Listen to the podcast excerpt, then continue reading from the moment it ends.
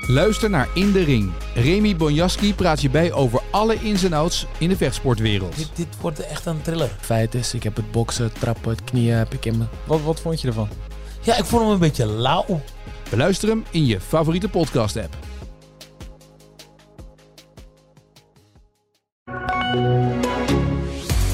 Een weekend met twee gezichten in Hongarije voor Verstappen. Lando de Sloper, de saaie boordradio's bij Ferrari en het gelijk van Alfa Tauri. Dit is Pitstop, de Formule 1 podcast van AD Sportwereld. Met in Hongarije onze watcher Marijn Abbehuis. Mijn naam is Etienne Verhoef. En we gaan zoals altijd praten over het Formule 1 weekend dat achter ons ligt. Ja, wederom Verstappen op 1. Uh, ik zat thuis, jij zat in Hongarije. Uh, we hebben hem aan het begin gezien op televisie. En we hebben hem tijdens een pitstop gezien. En tijdens nog een pitstop. En precies het laatste rondje. Ik kreeg een beetje een Wout Poels gevoel bij deze Formule 1 race. en ik denk dat Wout Poels dit compleet herkent.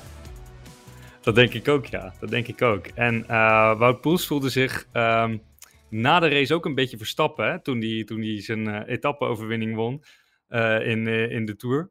Uh, omdat hij in één keer naar allerlei cameraploegen moest en allerlei verschillende persconferenties moest doen. Toen zei ik tegen hem, ik zeg, dit is echt precies wat Max Verstappen dus altijd heeft.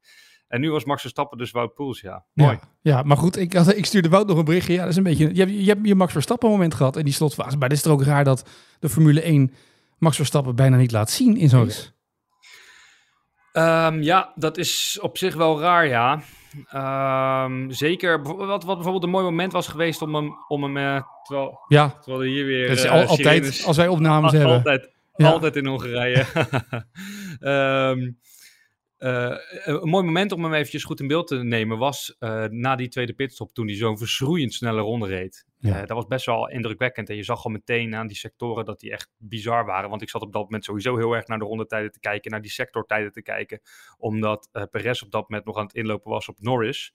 En dat op dat moment ook eventjes wat sneller ging dan, eerder in de race. Dus er waren wel meer aanleidingen hoor om, om Verstappen in beeld te nemen. Maar um, ja, de conclusie is natuurlijk wel dat hij uh, 33,7 seconden voor Norris finished.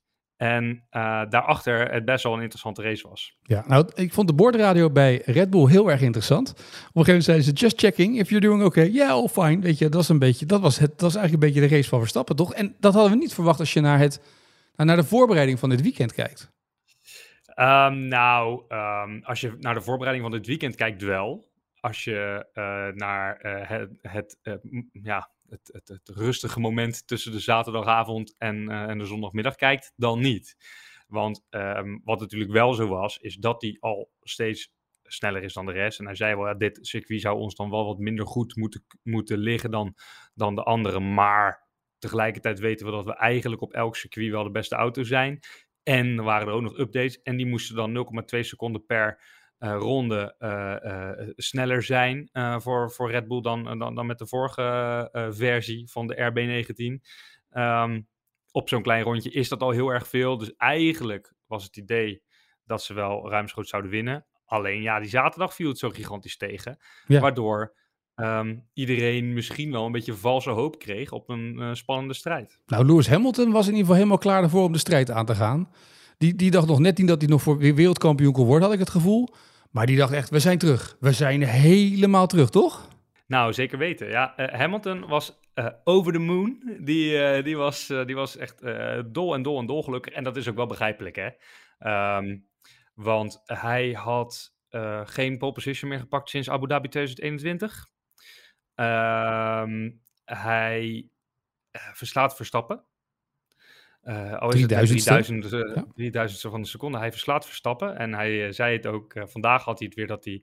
Na de race had hij het vandaag ook over dat hij heel erg trots was op zichzelf.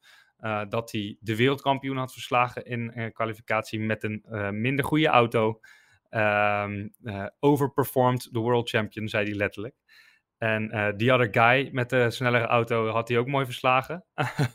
dus uh, hij was. Uh, en wat hij, wat hij ook nog zei, dat was best wel interessant. Hij zei: Ik ben uh, meer dan een jaar lang ben ik niet de beste versie van mezelf geweest. En nu was ik weer op het niveau waar ik thuis hoor. Oké. Okay. Dus um, hij ging er niet echt op in van waarom hij dan niet, niet de beste versie van zichzelf was. Dat zal misschien een beetje met motivatie ten opzichte van die auto, et cetera, te maken hebben gehad. Ja. Um, maar hij was dus weer de oude, volgens eh, zichzelf. En eh, wat ook weer als van ouds was, Mhm. was dus meteen die tweestrijd tussen die twee. Gelijk, Want- hè? Ja, ja, ja, want ehm, ja, eh, Hamilton zat er triomfantelijk en blij te doen op die persconferentie van zaterdag. En Verstappen die zat naast hem en die ging met een seconde chagrijniger kijken. En op een gegeven moment begon hij te brommen. En toen zei hij, nou, dit heeft helemaal niks met Mercedes te maken. Dit heeft alleen maar te maken met, eh, met ons. Want zeg maar, eh, hij kreeg de vraag, eh, iemand zei tegen hem dat hij ook ehm, eh, brilliant performance had afgeleverd. Dat hij op drieduizendste van een seconde maar pole had gemist. Toen zei hij, nou, er was helemaal niks briljants aan. Het was de slechtste balans die je kan hebben in een auto. En er klopte helemaal niks van. En het was waardeloos dit en het was waardeloos dat. En de enige reden waarom iemand voor ons staat, is omdat wij het hebben verprutst. Oftewel, Lewis, denk in godsnaam niet dat je eh, weer een kans maakt tegen mij.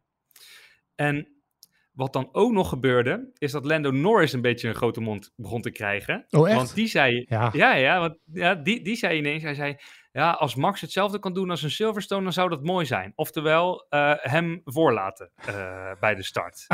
en ik denk, achteraf denk ik, dat op dat moment echt, eh, echt eventjes eh, een knop om is gegaan bij Verstappen. Dat hij heeft gedacht, ik ga verdikken me mijn beste start, eh, start ooit neerzetten hier. En die twee, en die twee snotapen uit Groot-Brittannië eens even laten zien dat ze echt, echt, echt niet bij me in de buurt gaan komen. Vandaag niet, morgen niet, na de zomerstop niet en het hele jaar niet meer. Ehm, en dan komt er nog eens bij dat op het moment dat, want ja, vandaag was Verstappen dan dus de triomfantelijke eh, van het stel. Ja. Dat hij meteen zei, want die staat nu op 44 races, eh, raceoverwinningen. Dit was zijn 44ste zege in de Formule 1. Dat hij zei, ehm, ik wil dat die 45ste zo snel mogelijk komt, want eh 44 is een eh, verschrikkelijk getal om op te staan.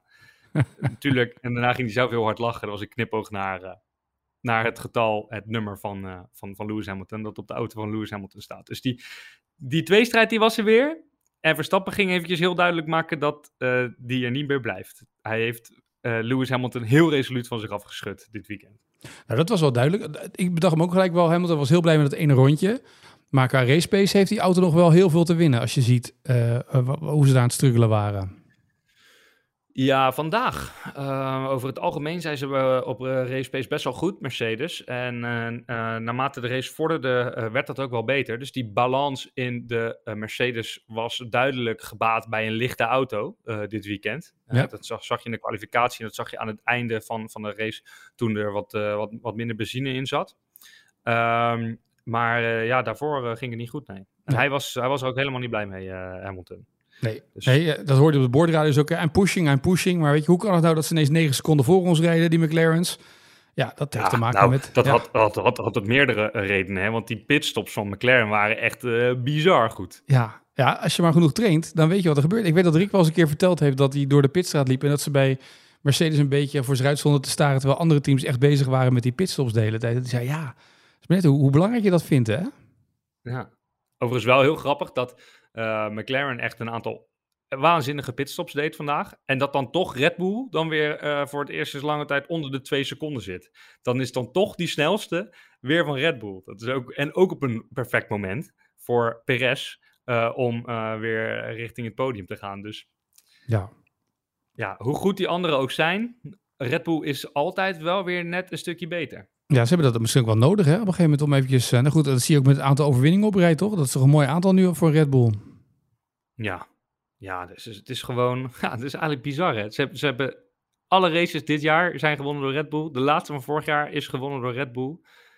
Ehm, er komt maar geen einde aan. Nee, dit is wel, maar dit is wel een dominantie die we ook in de tijd bij Mercedes niet zo hebben gehad, toch? Toen, toen eh, Hamilton wereldkampioen werd. Toen, toen waren nog anderen die races wonnen. Ja, nee, dat is ook zo. Ja, deze, deze 12 op een rij, dat is een eh, wereldrecord. Ja, Eh, McLaren, McLaren in 1988 had er ook 11 op een rij. Eh er waren allemaal in datzelfde seizoen.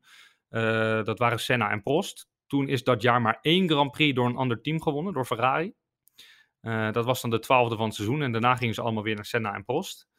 Eh, maar ja, nu is het gewoon eh 12 uit 12, 11 uit 11 dit seizoen. Ehm, en dan eh, ja, 12 met de laatste van vorig jaar erbij. ja dat is echt wel een, dat laat zien. Ze hebben ook de overwinningen van Verstappen. Hè. Die staat nu op zeven op een rij, zeg ik even uit mijn hoofd. Ja, zeven op een rij, ja. Ja, dat betekent dat dat record van Schumacher ook steeds dichterbij komt. Dan moet hij naar 9, hè, Vettel? Dan moet hij naar negen, ja. Vettel heeft het record. Hij heeft eh, het persoonlijk record van Schumacher en nu even eh geëvenaard. Ja, geëvenaard, ja, precies. En Vettel heeft met 9 eh, de, het record zeg maar, in handen. Toch even naar het weekend. Wat was het weekend waar we- zeiden, oké, Red Bull gaat met updates komen. Zag jij het grote verschil bij die Red Bull? Ja, je kon, het- je kon het verschil zien in de sidepods. Kon je het, vers- wat ook grappig is, hè? Die, eh, eh, die crash van, eh, van, van Perez al vroeg in het weekend. ja. Waardoor er toch weer een, een foto gemaakt kan worden van de onderkant van die auto. Dat was e- echt super interessant.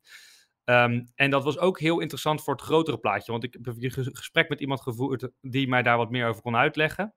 Want je bent er toch benieuwd van, hè, ja, wat zorgt er nog voor consternatie? Worden er dan nog ontdekkingen gedaan? En ehm, om sowieso een beetje te duiden waarom Red Bull in deze eh, regelgeving het zo onwijs goed doet, is op, omdat Newey, hè, dus de ontwerper van de auto, die is afgestudeerd op grondeffect. Dus dat is echt zijn specialiteit. En eh, vorig jaar had, ehm, had ehm, Mercedes had één kickpoint in de vloer. Ja, we gaan het een beetje technisch Ja, maken, ja. maar daar, daar, daar, daar vraag je wel op. De ondertiteling komt Eh. zeg maar in, eh, ook nog morgen in de krant, denk ik. Maar ga door vooral, ja. Ja. Ja? De Mercedes had één kickpoint in de vloer. En dat zorgde ervoor, dus zeg maar, eerst is, is de vloer dan iets lager, waardoor er heel veel, die, die auto heel nadrukkelijk naar de grond wordt getrokken.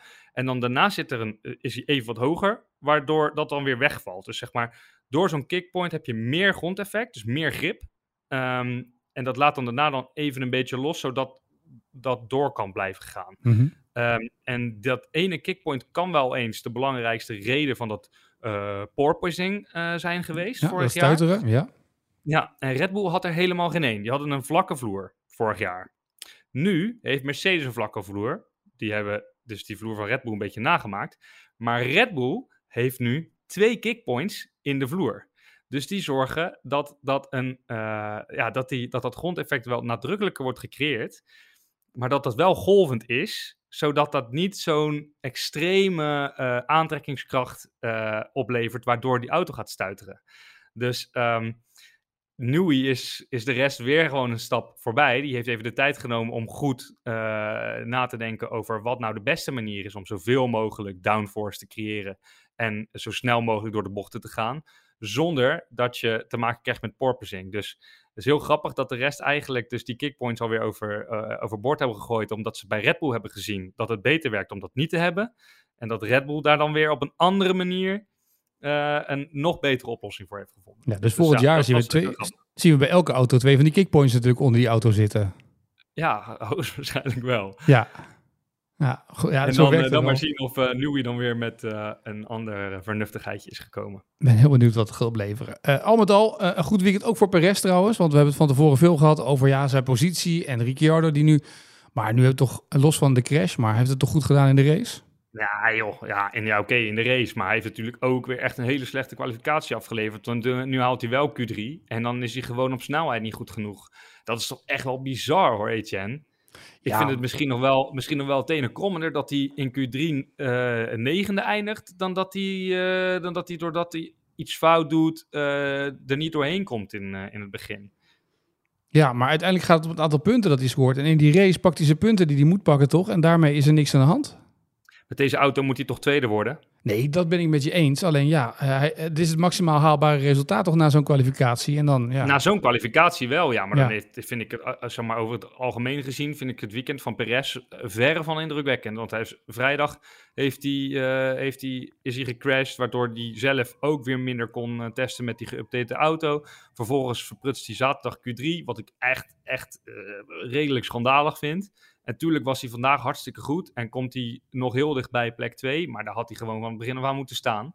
En ehm, ja, het gaat nu wel heel hard, want hij, hij, hij, hij levert weer 11 punten in ten opzichte van Verstappen. Ja. En het begint nu toch wel een beetje gênant te worden, want het gaat echt rap hoor. Nee, dat klopt. Het is 100, meer dan 100 punten. Het is 100, wat is het? 110 punten. 110 punten, 110 ja. punten. Ja. Dus dat betekent dat eh, Verstappen gemiddeld 10 punten meer pakt per race dan, eh dan Perez die notabene twee races gewonnen heeft. ja. Om over de rest dan maar te zwijgen, hè? Hoeveel punten die... Ja, ja, ja, dat is waar. dat, dat ja. is waar. Dat is waar. Maar ja, die, die hebben niet zo'n raket. Nee, dat is waar. Een raket noemde Verstappen het ook trouwens in de race na afloop. Uh, even nog twee dingen die ik met, over dit hele stukje uh, Red Bull en Verstappen en Perez uh, met je wil doornemen. Horner is bij Sky geweest na afloop van de race. Dat was natuurlijk een verhaal dat er weer drie teams de salary caps of de, de cap zouden hebben gebroken. De budget cap die, die is ingesteld door de Formule 1. Dat ze maximaal zoveel miljoen mogen uitgeven per jaar. Red Bull heeft dat vorig jaar gedaan. Boete gekregen, nou ja, minder windtunneltijd, et cetera. Um, dan gaat er gelijk een verhaal. Drie teams hebben zich niet gehouden aan die uh, budgetten de, die, die zijn ingesteld. Dan denkt iedereen gelijk natuurlijk Red Bull. Maar nu heeft gelijk Horner gezegd, wij waren het niet. Wij zijn er zelfs nog onder gebleven. Uh, we hadden niet zoveel reserveonderdelen nodig. Dat was prima. Uh, dus die haast zich gelijk op te zeggen dat, dat, er, dat er bij hun niks aan de hand is. Ja, en zij hebben als het goed is zelfs nog de ruimte gezien Ehm, dat is niet bevestigd hoor, maar het wordt ook niet echt ontkend, ook niet door Helmut Marco bijvoorbeeld. Uh, ze hebben volgens mij zelfs de ruimte gezien om vorig jaar al ontwikkelingen te doen aan de vloer van de auto van dit jaar, omdat ze vorig jaar zoveel ruimte hadden in de budgetcap. Dat is ook allemaal bij tijd al goed, uh, laat, goedgekeurd door, door de FIA, zodat ze um, dat geld nog over zouden houden dit jaar. Dus zij zitten best wel makkelijk, zou het normaal gesproken moeten zijn. Um, dus ik heb ook niet het vermoeden dat het over uh, Red Bull gaat. We kregen er wel nog een soort van uh, berichtje over van de FIA. Uh, dat er een spokesperson had gezegd ja, dat, dat ze er niks over wilden zeggen. En dat, dat ze met de, met de teams aan het praten zijn. En ja, dat er nog in principe niks naar buiten is gekomen. En ehm, ja, kunnen we maar nog niks mee. Maar gaat in de paddock dan de hele tijd ook wel het verhaal wie zou het zijn of niet? Is zijn, zijn journalisten ook mee bezig? Ja, toch? Ja, wel een beetje. Uh, al vond ik het wel meevallen. Maar dat komt ook omdat er nog geen echte aanwijzingen zijn dat we teams kunnen aanwijzen. Uh, we weten natuurlijk wel van vorig jaar dat op het moment dat die geruchten gingen, dat ze achteraf ook bleken te kloppen. Ja. En dat we ook vrij snel wisten over welke teams het dan ging. En um, dus ja, ik ben geneigd om te zeggen dat het wel zo zal zijn. Dat er drie teams uh, het, budgetcap hebben overschreden. Uh, maar ja, het is denk ik echt nog veel te vroeg om, om daar conclusies uh, aan, uh, aan te verbinden. Want er is ook een beetje een machtsstrijdje eh, gaande nu tussen, tussen de Formule 1 en de, en de FIA. Want Dominicali had er dingen over gezegd. En daar waren ze bij de FIA helemaal niet bij mee. Want die zeiden veel, wij, wij bepalen de regels en jij hebt daar helemaal niks over te zeggen. Want die had gezegd dat hij vindt dat teams harder moeten worden gestraft. Dat Red Bull niet hard genoeg gestraft was. Um, als het nog een keer gebeurt. En het is sowieso gewoon onwijs lastig verhaal natuurlijk. Ook met die catering en al die bonnetjes die moeten worden ingeleverd. En welke uh, onderdelen vallen er nou wel onder en welke vallen er nou niet onder. En er zijn natuurlijk nog teams die hebben van die supercars. Dus dat is een, uh, een, een, aan de Formule 1 gerelateerde andere autoklasse. En uh, ja, daar, die auto's kunnen onderling heel veel van elkaar leren. En Red Bull zegt, ja, die auto's die we daar hebben, die leren alleen maar van uh, onze Formule 1 auto en niet andersom. En als het dan wel weer zo zou zijn, dan is er weer de discussie, moet dat geld, dat wordt geïnvesteerd in die supercar, dan ook onder de budget cap vallen? Dus het is, ja, het, het is eigenlijk uh, bijna niet te doen. En um, het zorgt er misschien ook wel voor dat we opnieuw moeten kijken naar, ja, naar, naar die budget cap. Want het is niet zoals in het basketbal dat het heel eenvoudig is. Uh, en, door die andere, al die andere Amerikaanse sport, dat heel eenvoudig is. Oké, dit mag je uitgeven aan je spelers en meer is het niet. Er komt natuurlijk zo onwijs ja. veel meer kijken bij, uh, bij een Formule 1 team. En ja, wat valt er dan wel onder en wat niet? Het is echt een onwijs lastig verhaal. Ja, het is bijna iets dus... wat ze hebben, ze hebben, ze hebben het ingesteld om uh, een soort, maar dat hebben ze gedaan met een soort consensus van alle teams, waardoor het eigenlijk een soort van ja, eigenlijk een soort regeerakkoord van Mark Rutte is. Het kan alle kanten op en je weet nooit waar het eindigt. Dat is een beetje waar het dan op lijkt, toch? Ja, weet je, het, is, uh, het, het, het, idee is natuurlijk om, om ervoor te zorgen dat die top een beetje nivelleert. Dat, dat het veld nivelleert. Um, en dat is hartstikke goed initiatief. En we zien het ook wel terug. Hè? Ja. Want uh, onder Red Bull is, ja, is het een tombola geworden. Wat onwijs cool is natuurlijk. Um, alleen, ja, het moet ook wel gewoon te volgen blijven. Ja, dat is waar. Nou, dat geldt ook een beetje misschien voor die banden nu. Want dan heb je ook een beetje dezelfde discussie. Alonso kwam daar ineens mee. Die zei, ja, die Red Bull die heeft ineens moeite. Die is ineens niet meer zo snel als dat hij hiervoor was. Boah, vandaag anders bewezen. Uh, maar sinds de nieuwe compounds uh, er zijn van Pirelli, is het toch allemaal anders? Of hebben ze gewoon even stilgestaan bij, uh, bij Aston Martin? Nou, bij Aston Martin gaan ze niet zo lekker in het doorontwikkelen. Nee. Um, dus of dat aan die banden ligt of niet, Dat weet ik niet zo goed. Maar ja, dat bandenmanagement is wel weer, wel weer heel belangrijk geworden ineens. Terwijl dat vorig jaar veel minder was. Hè? En toen was eigenlijk met het ingaan van, die nieuw, van dat nieuwe reglement... was het idee van nou, we kunnen nu gewoon weer volle bak van pitstop naar, naar pitstop jagen... zonder dat we onze banden in de gaten moeten houden. En nu is dat bandenmanagement weer een beetje terug. Dus ehm, daar gaat het wel iets niet helemaal zoals het de bedoeling was. Ja, maar dan zeggen ze bij de FIA gewoon... nee, en de Formule 1, dan verwijzen we graag door naar Pirelli. Die mogen het dan uitzoeken. Ja, ja. ja, En die zeggen niks. ja. En die zeggen niks, ja, die, die leveren hun bandjes. Ja, precies. Ehm, was Ja. Max Verstappen eigenlijk boos op Lando Norris? Mm, geloof het niet. Nee? Hoezo? Want, nou ja, kijk, het is toch altijd een beetje lullig als je een prijs krijgt uitgereikt. Oh ja. En dat is een, toch een, een, daar, is, daar is een kunstenaar toch, denk ik, minimaal een aantal weken mee bezig geweest om wat moois te maken. En vervolgens zet je beste maat uit het Formule 1 circuit, denkt leuk, ik ga even champagne poppen. En die popt hem op het podium en die gooit zo dat ding gelijk kapot. ja. Ja. ja.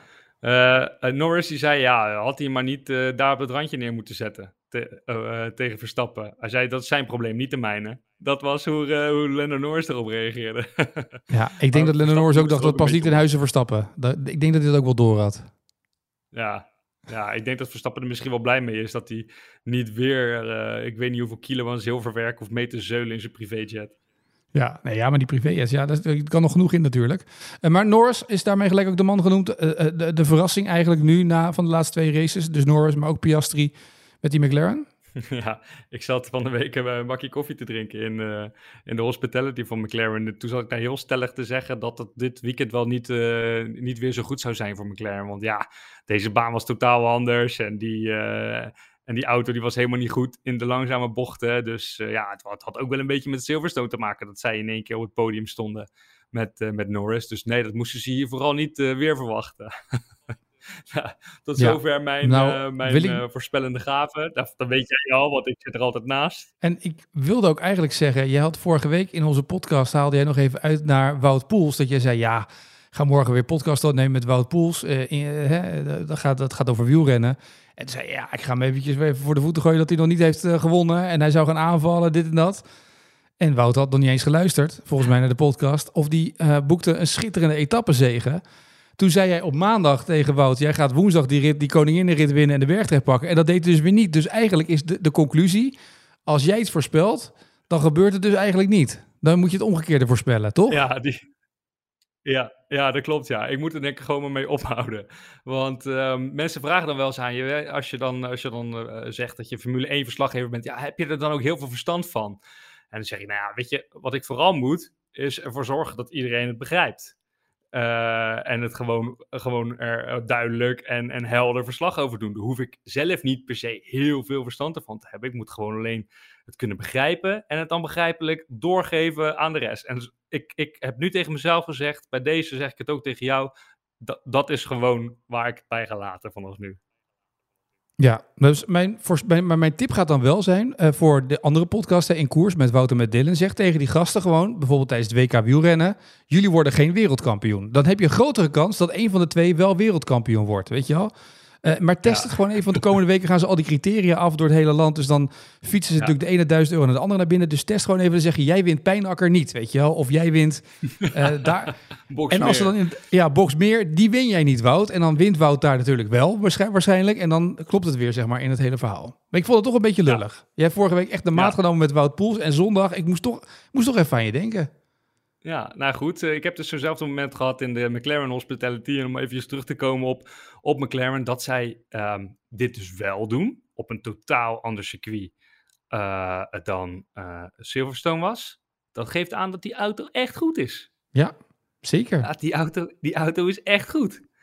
En dat hebben ze echt wel goed voor elkaar. En dat belooft dus ook wel wat volgende week voor Spa, waar natuurlijk veel lange rechte stukken zitten en veel snelheid in zit. Dat wordt dan best interessant, die kwalificatie tussen Lando Norris en Max Verstappen. Ja, ja, dat wordt super interessant. Dus ik, eh, ja, ik vind het wel echt leuk. En ik denk dat iedereen het wel leuk vindt. Lennon Norris is ook wel een leuk ventje. Oscar Piastri trouwens ook. Doet hartstikke goed, hè. Die heeft dan nu weer geen, eh, geen podium. Was nu vijfde, hè. Mhm. Ja, was vijfde. En vorige week was hij vierde. Twee weken geleden. Ehm, dus die zou wel eens, als hij als, als rookie een podiumplek pakt dit seizoen, dan doet hij dat voor het eerst sinds Lance Stroll in 2017 volgens mij. Dus dat, ehm, dat is ook wel heel erg cool. En ehm, ja, er zit enorm veel potentie in dat team. Bij allebei Ja. die coureurs en, en dus in die auto, want die gaat als een raket ineens. Ja, nee, dat is ook mooi om te zien. En dan hadden wij ook ons voorgenomen vorige week. Laten wij nou eens de boordradio's bij Ferrari gaan luisteren. Dus Mhm. eh, jij hebt mij voor de race. Eh, doe jij Leclerc, dan doe ik Sainz. Wat ik op zich heel leuk vond. Dus ik heb eh, op het ene kanaal had ik eh, de wedstrijd staan. En op het andere kanaal zat ik mee te luisteren met de boordradio van Charles Leclerc. Maar ik kan je zeggen, daar kan je gewoon echt ondertussen... Ik had echt heel veel van verwacht, maar het enige, het microfoontje deed het niet bij Charles. Dus hij dus nog even microfoontje even goed doen. En ze hebben twee keer gezegd, je moet naar een ander kanaal. En als je, die hoorde de, de engineer hoorde je heel goed en hoorde, hoorde je Claire... Er was echt helemaal niks van te verstaan. En er was ook geen discussie Oh. over de plannen. Ik weet niet, hoe was het bij Sainz? Wat ik dus zo interessant vond, laat ik eerst even een vraag aan jou stellen. Want ehm, er, is dus, er is dus niets besproken met eh, Leclerc op het moment dat Sainz met de rode band kort achter hem zat. Nee, nee ze Geen, hebben, het geen enige wat die gesprek daarover ge- geweest. Nee, het enige wat die engineer heeft doorgegeven steeds waren de rondetijden van eh Sainz. Die achter hem zat, zei dus ook Sainz is behind you. Hoeveel seconden? Dus dat was 18e, 15e. En op een gegeven moment werd het meer dan een seconde. En wie hem voor hem zat. En dat is, wat, dat is watgeen wat ze steeds doorgaven. En het Sierra-plan, daar hadden ze het steeds over. Maar er is nergens gezegd, je moet Sainz doorheen laten. Miste, Oké. op deze boordradio. Misschien dat er nog een ander kanaal is waar wij niet bij kunnen. Dat kan ook natuurlijk, hè? Ja, dat, dat, dat zou wel apart zijn. Zou, zou kunnen trouwens. Maar ja, hij heeft ehm Sainz er niet doorgelaten. Maar ik zat even te denken, ik ben wel benieuwd of dat, of dat besproken is. Want Sainz was wel erg met de tactiek bezig. Die heeft op een gegeven moment tegen zijn engineer gezegd... dat was op het moment dat hij in strijd was met Perez... heeft hij het initiatief genomen en gezegd van... joh, ik, ehm, ik ga nog even proberen om Perez voor te blijven. Op het moment dat ik merk Ja. dat dat heel moeilijk wordt... dan kom ik zelf naar binnen. En dat zijn, dat zijn dingen die volgens mij echt eh Sainz wel typeren. En eh, ja, voor mijn gevoel is, is Leclerc veel reactiever dan dat Sainz is in, in, dat, in dat verhaal. Bijna niks. Ook met die, met die pitstop die 7,9 seconden duurde. Het enige wat ze zeiden was, you're right, you're right behind him. En dat is het enige wat ze zeiden. Gewoon niet over zeuren over de boordradio, door naar de volgende. Niks over gezegd. Oké, oké. Nou ja, ik was dus benieuwd of die, of die iets van, eh, van, van tactiek, of dat die, dat die misschien, dat er met hem overlegd is of die eh Sainz op die zachte band eh, voor moest laten, omdat ja, nu hinderde die Sainz eigenlijk een beetje in zijn tactiek. Mhm. Ehm, ondanks, ja, daar kan hij zelf, kan Leclerc kan natuurlijk nooit slachtoffer zijn van een tactiek van Sainz die vanaf plek 11 start. Maar goed, het had in dit geval misschien wel fijn geweest voor, voor Sainz als hij er voorbij had gekund.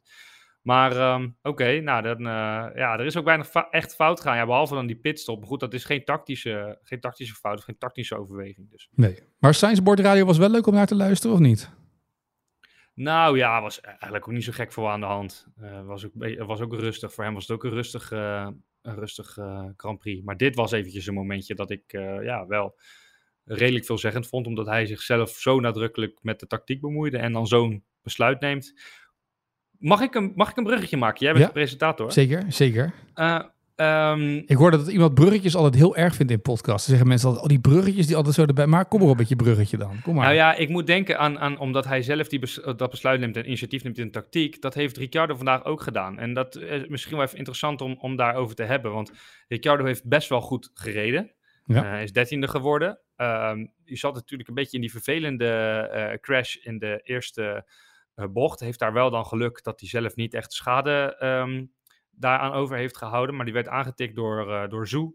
En toen kwam er een kettingbotsing toen gingen allebei die Alpines eruit. Maar hij zei van, ik merkte al vrij snel dat in de vuile lucht, dat, ik, dat, dat dat ons niet te goede kwam. En het is sowieso op dit circuit best wel moeilijk om achter ehm, auto's aan te rijden. Dus ik heb toen al heel snel gezegd van, zullen we vroeg een pitstop maken, vroeger dan we van plan zijn, zodat ik ehm, eh, in de vrije eh, lucht eh, kan zien wat ik uit deze auto kan halen. En dat is eigenlijk de call geweest die voor hem onwijs goed heeft uitgepakt. Ehm, en ehm, toen zat ik in eerste instantie te denken: oh, dat is dan wel dan misschien een verschil tussen hem en Nick de Vries. Dat hij zo proactief is en dan de juiste tactisch besluit neemt. En dat is dan de ervaring die de Vries ook had moeten brengen, die hij dan nu wel brengt. Maar toen zat ik een beetje over na te denken, eh, een beetje omheen gevraagd. En toen ben ik er eigenlijk ook wel een beetje tot de conclusie moeten komen dat Niek dat ook wel geprobeerd heeft. Maar dat er naar hem niet zo eh, klakkeloos eh, werd geluisterd als nu naar Ricciardo. Dus ik vraag me dan nog steeds wel af, heeft de Vries dan wel die eerlijke kans gekregen? Of vertrouwden ze hem gewoon niet zo goed als dat ze Ricciardo nu wel vertrouwen? En dat is op zich, besluit? dat is, weet je, en eerlijk gezegd is er ook wat voor te zeggen natuurlijk. Kijk, los van dat Ricciardo bij Red Bull eh, natuurlijk dit soort besluiten ook wel heeft moeten nemen. Daar zijn ze tactisch heel sterk, dus dat scheelt natuurlijk enorm eh, voor, voor hem. Eh, maar dat je daar niet gelijk wordt vertrouwd, snap ik ook nog wel, toch? Ik bedoel, je bent rookie, dus Ja, enerzijds wel, maar iedereen heeft aan het begin eh, van het jaar gezegd dat hij niet als rookie moest worden eh, benaderd. Omdat hij heel ervaren was. Dat hij niet zomaar een rookie was. En dat hij het team moest leiden. En dat hij Yuki bij de hand moest nemen, et cetera. Dus ik, ja. Nou, maar het gaat ook om in die races. Hè. Heb, je, heb je in die races of in die kwalificatie iets laten... Dat is wat Helmoet Marco ook eigenlijk zei. Hij heeft geen één Ja. keer die ene ronde laten zien waarvan we dachten... oh, dat is het. En Ricciardo heeft dan gelijk op zaterdag zijn teamgenoot... Tsu- Tsunoda heeft die, die heeft die verslagen in de kwalificatie. Dus dat is één stap al. Hij, Tsunoda Q3, hij naar Q2. Eh, dus dat is Ja. één ding. En twee is dat hij in die race toch ook laat zien met dit soort dingen. Da- daarmee bouw je toch gelijk credibility op, toch? Ja, zeker weten. Zeker Ja. weten. En ja, dus nee, ik vind het ook allemaal best wel logisch. En ja, eh, Ricciardo heeft het echt wel goed gedaan dit weekend. Ja. Daar kun je echt niks van zeggen. En voor de rest moeten wij toch alleen maar blij zijn dat ook Sebastian Vettel en Lewis Hamilton met ons eens zijn wat wij vorige week en de week ervoor in de podcast hebben gezegd over het afscheid van Nick de Vries, toch? Ja, ja, zeker weten. Zeker weten. En dat is, ehm, en dat is niet meer dan terecht. Ik merkte dat het begin van dit weekend trouwens ook hoor. Dat ehm, iedereen was dan wel weer helemaal klaar voor de entree van eh, de rentree van, eh, van, van Ricciardo. Het is natuurlijk een charmante man eh, die, die veel aandacht naar zich toe trekt. Maar hij zelf en ook Verstappen en eigenlijk iedereen, alle coureurs, die hadden allemaal wel zoiets van ja. Op het moment dat, dat het over Nick de Vries ging, dan, van, dan verdween de grote glimlach even van het gezicht. En er kwam er even een frons eh, boven de ogen. En eh, dan was het eh, toch wel weer, ja, ja dit, dit is niet echt een leuke situatie. Nee. Dus er was wel echt respect naar, naar de Vries toe. En wat we voorspelden gebeurde ook. Ik heb geen enkele foto gezien van Ricciardo waarin hij heel erg zagrijnig voor zich uitstaart. Ik heb alleen maar die enorm, enorm grote grijns gezien de hele tijd. Hè? Ja, ja, ik heb hem alleen niet horen zeggen dat hij er goed uitziet. Nee, maar had wel weer een paar grappen natuurlijk bij de verschillende reporters, zeg maar, wat hij van de race vond. En dan, eh, nou, dat soort zaken allemaal. Het kwam allemaal weer voorbij natuurlijk weer, hè? Ja, ja hij is er weer. En Nick is er Ja. niet meer. En dat Nee. is nu, eh, daar, daar moet nu een streep onder. Ja, precies. Maar hij heeft wel, dat, dat moet wel gezegd worden, Ricciardo heeft wel gelijk gepresteerd en geleverd in zijn eerste race. Ja, nee, zeker weten. Ja. Dat is waar. Hey, dan op naar België, hè? Ook wel weer leuk hoor. Nou, het is ook een gek moment, toch? Je bent gewend, België is de openingsrace na de zomerstop en ineens is het de laatste voor de zomer. Ja, ja, dat is heel gek. Vorig jaar was dit dan ook de, de laatste voor de zomer. En dat, die sfeer hing er toen ook helemaal. Toen was ik ook hier met mijn busje, dus toen ging ik door op vakantie, zeg maar. Zat ik helemaal in de vakantiestemming. Ja.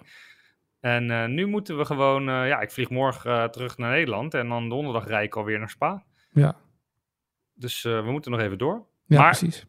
Ik heb het nog wel naar mijn zin, Gelukkig. ondanks dat Verstappen niet in beeld is. Nee, dat is goed om te weten. En eh, bij Ferrari hebben ze dat busje voor jou toch goed gebruikt, zo, zo te zien, hè? in de raceresultaten. Absoluut, absoluut. Stijgende lijn zit erin. Stijgende lijn Hey, maar eh, zij hadden hier wel weer goed moeten zijn eigenlijk. Ja, Ferrari had hier goed- eigenlijk goed moeten zijn en ze Ja. zijn het dan toch weer niet. Het is, eh, het is wel, te- ja, het ze zijn eigenlijk du- dus misschien wel gewoon al definitief voorbijgestreefd door een team als McLaren. Ja, en ik denk ook niet dat we... we moeten de komende jaren misschien maar ook gewoon stoppen met Ferrari bij de topkandidaten eh, rekenen. Maar gewoon, het is gewoon een subtopteam. Dat is gewoon, het is gewoon Europees voetbal, maar dat is ongeveer het niveau. Middenveld, Ja. middenveld. Ja, maar dat klinkt heel hard voor de Ferrari-fans. Maar het gaat er ook niet beter worden. Wie ze er ook neerzetten. Ze ontslaan de een na de ander. Ja, nee, ze, ze, ze, ont- ja, ze zijn gewoon niet goed, niet goed in het doorontwikkelen. Het is, nee, het, het, is, het is het niet. Het is het niet. Ze worden aan alle kanten voorbijgestreefd, echt. Ehm nou zal je zien, nu je dit zegt, dat ze natuurlijk volgende week een enorm goed resultaat gaan neerzetten. Maar ja, daar kunnen we dan volgende week weer op terugkomen. Een soort van rode draad in deze podcast, toch? Precies. Heel goed. Ik wens je een goede reis terug. Ik spreek je volgende week. Sowieso eh, donderdag in de voorbeschouwing op de Grand Prix in Spa. En natuurlijk eh, eh, volgende week zondag na die Grand Prix. Om te kijken wat voor verhalen we dan allemaal weer kunnen optekenen uit de pitstraat en ver daaromheen in een nieuwe pitstop. Dankjewel voor vandaag Marijn en een goede reis hè. Dankjewel. Hoi hoi.